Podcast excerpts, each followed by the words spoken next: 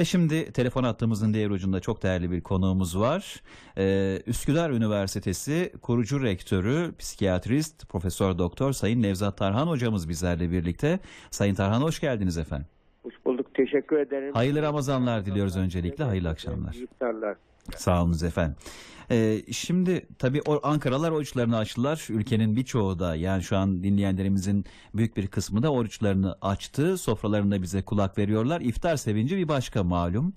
Ee, ha, psikolojik olarak da bizi rahatlatan bir manevi e, bir e, sevinci var, bir tarafı var. Onun için iftar vakti en mutlu zamanlarımızdan biridir. Afiyet olsun Allah kabul etsin diyelim herkese. Ve e, hocam şunu sormak isteriz. Tabii bu iftar anındaki sevinci tüm güne yayabilmek için yani önümüzdeki günlere de bu zor sürece de yayabilmek için belki neler yapmalıyız ve neler düşünmeliyiz. E, işin biraz manevi e, motivasyon boyutunu konuşalım isterseniz. Tabii.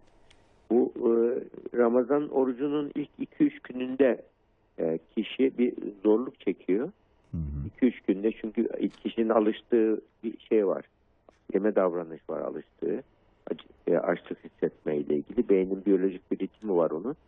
Yani o e, o ritmden e, yeni bir ritme geçiş sağlarken vücut böyle durumlarda kişi eğer inanarak ciddi bir şekilde niyet ederek, isteyerek orucu aç kalacağını, bütün gün tutacağını söylerse beyin onunla ilgili biyolojik ritmi düzeltiyor.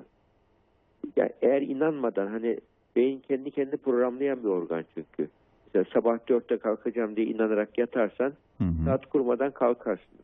Aynı şekilde beyin programlıyor. Yani o, o- bu şekilde oruç tutanların o günlük e, açlık krizleri öğlen midenin işte böyle çeki, kasılması, çekilmesi gibi de pek olmamaya başlar. Bir iki günden sonra duruma göre. Bu aslında vücut uyum sağlıyor. Böyle durumlarda yani bu işte oruç tutmayla ki- ilgili kişi güçlü duygularla inanırsa böyle durumlarda oruç daha iyi geçtiği gibi vücut daha e, yeni duruma uyum sağlayabiliyor ve orucun hem maddi hem manevi faydaları ortaya çıkıyor. Mesela maddi faydaları bizim geçen sene e, hem MIT'de hem Harvard'da laboratuvar alan bir e, prof- profesör genetikçi bir arkadaşımız vardı. Onlar keşiflerini anlattılar bize. O keşifte şöyle vücut açlık kürü yapılıyor vücuda. Açlık kürü yapıldığı zaman bağırsaklarda kök hücre üretiyor bağırsaklar. Hı. Yani buradan vücut kendi kendi yeniliyor aç kalınca. Alarm veriyor. Hı. Yani vücutta bir yaşa hani çiçekçiler onu yaparlar. Çiçeğin açmasını isteyince 3 gün kapkaranlık bir yere koyarlar. Üstüne tomurcuk vermeye başlar. Bunun gibi vücutta bir alarm veriyor, kamçılıyor. Bütün toksinleri, yorgunluk maddelerini, bütün o vücuttaki DNA hasarlarını onarıyor o dönemde. Onun için anti kanserojen etkisi var. Ee, anti böyle e, aging, yaşlanmaya karşı da e, etkisi var. Uzun süren açlıktan bahsediyoruz değil mi hocam? Burada bunu olursa tabii bu Hı hı. yani 12 saatten az olmayan açlıklar genellikle. Hı hı. 10-12 saat diye geçiyor literatürde. Bunların eğer bu tabii belli bir süre olursa bir dönem oldu kür tarzında yani bu daha e, kalıcı oluyor. Yani vücut ona uyum sağlıyor. Onun için oruç tutmak aslında yani biz oruç niye tutulur? İlahi rıza için tutulur. Ama burada ilahi rızanın ötesinde bu dünyada da faydası var. Mesela diğer bir fayda da bireysel fayda var. İnsanda e, e, bireysel olarak kişi e, mesela empati du- duygusunu güçlendiriyor. Dezavantajlı insanları fark etme. Diğer böyle aç mağdurları fark etme. İnsanda başkasına yardım etmenin verdiği o şey vardır. Güzel bir his vardır. Şefkatin, şefkat duygusu. Çünkü Budist rahipler üzerinde e, deney yapılmış. Budist rahiplere bir de ortalama Amerikalılara şey gösteriliyor böyle yanlış yanık insan resimleri gösteriliyor. Ortalama Amerikalılarda korku ve kaçınma, tiksinme ve kaçınma duyguları ortaya çıkıyor. Budist rahiplere bakılıyor. Şefkat ve mutluluk hormonu salgılıyor aynı anda. Yani şu, acıma duygusuyla şefkatle birlikte mutluluk hormonu yani bu kendini eğitmiş kişilerde e, empati yapabilen kişilerde başkasına yardım davranışıyla birlikte kendi de mutlu oluyor. Mutluluk Merhamet sadece karşı tarafı vererek e, onu mutlu etmek değil. Vereni de mutlu ediyor. E, paylaşımcılık. Yani Ramazan onun için öyle bir ay. Bireysel olarak da bizde doyum erteleme becerisi var. Psikolojik sağlamlığın en önemli şeylerinden e, birisidir. Doyum erteleme. Yani diğer insan dışı diğer canlılarda doyum erteleme becerisi yok. O, onlar zevkleri geldiği zaman hemen karşılarlar ama insan öyle değil. İnsan bu hiyerarşinin ihtiyaçlar hiyerarşisinin en tepesinde kendini gerçekleştirme, bir anlam peşinde olma, yüksek bir değere, yüksek bir güce inanmayla ilgili e, yüksek e, e, bir anlamın parçası olmayla ilgili e, ego ideali olması lazım insanın. Eğer yemek, içmek, üremeyle ego ideali olursa ilkel seviyede canlılara eşitleşir, kendine eşitlemiş olur. E, bu Ramazan orucu da böyle insanı bir anlamın parçası olmayı hissettiriyor. O yani inanmanın teselli gücünü, e, inanmanın insana verdiği o iç huzuru e, ve bir anlamın parça hayatına anlam katmayı düşündürtüyor. Burada insana böyle durumlarda manevi kazanç oluyor. Yani çünkü ölüm var. Bu hayat geçici değil. Yani kabir kapısı kapanmadığına göre hatta ünlü filozoflardan birisi ölmeden önce şöyle bir şey söylüyor. Ya ölüm kaçınılmaz bir gerçek ama Tanrı bana istisna uygular diye bekliyordum. Hı hı. Evet. Yani insan içinde böyle bir his var. His Hocam ben müsaadenizle var. şunu da sormak isterim. Tabii. Ee, şimdi biz alıştık tabii e, kalabalık sofralarda oruç açmaya alıştık toplum olarak, İslam alemi olarak. Ee, ama böyle bu, bu sene tabii farklı geçiyor Ramazan. Artık evlerde çekirdek aileler oruçlarını işte birbirleri e, aynı sofrada açmak durumundalar. Gidemiyorsunuz davete, davet veremiyorsunuz. E, Yani bir yalnızlık psikolojisi insanlarda oluşabilir mi?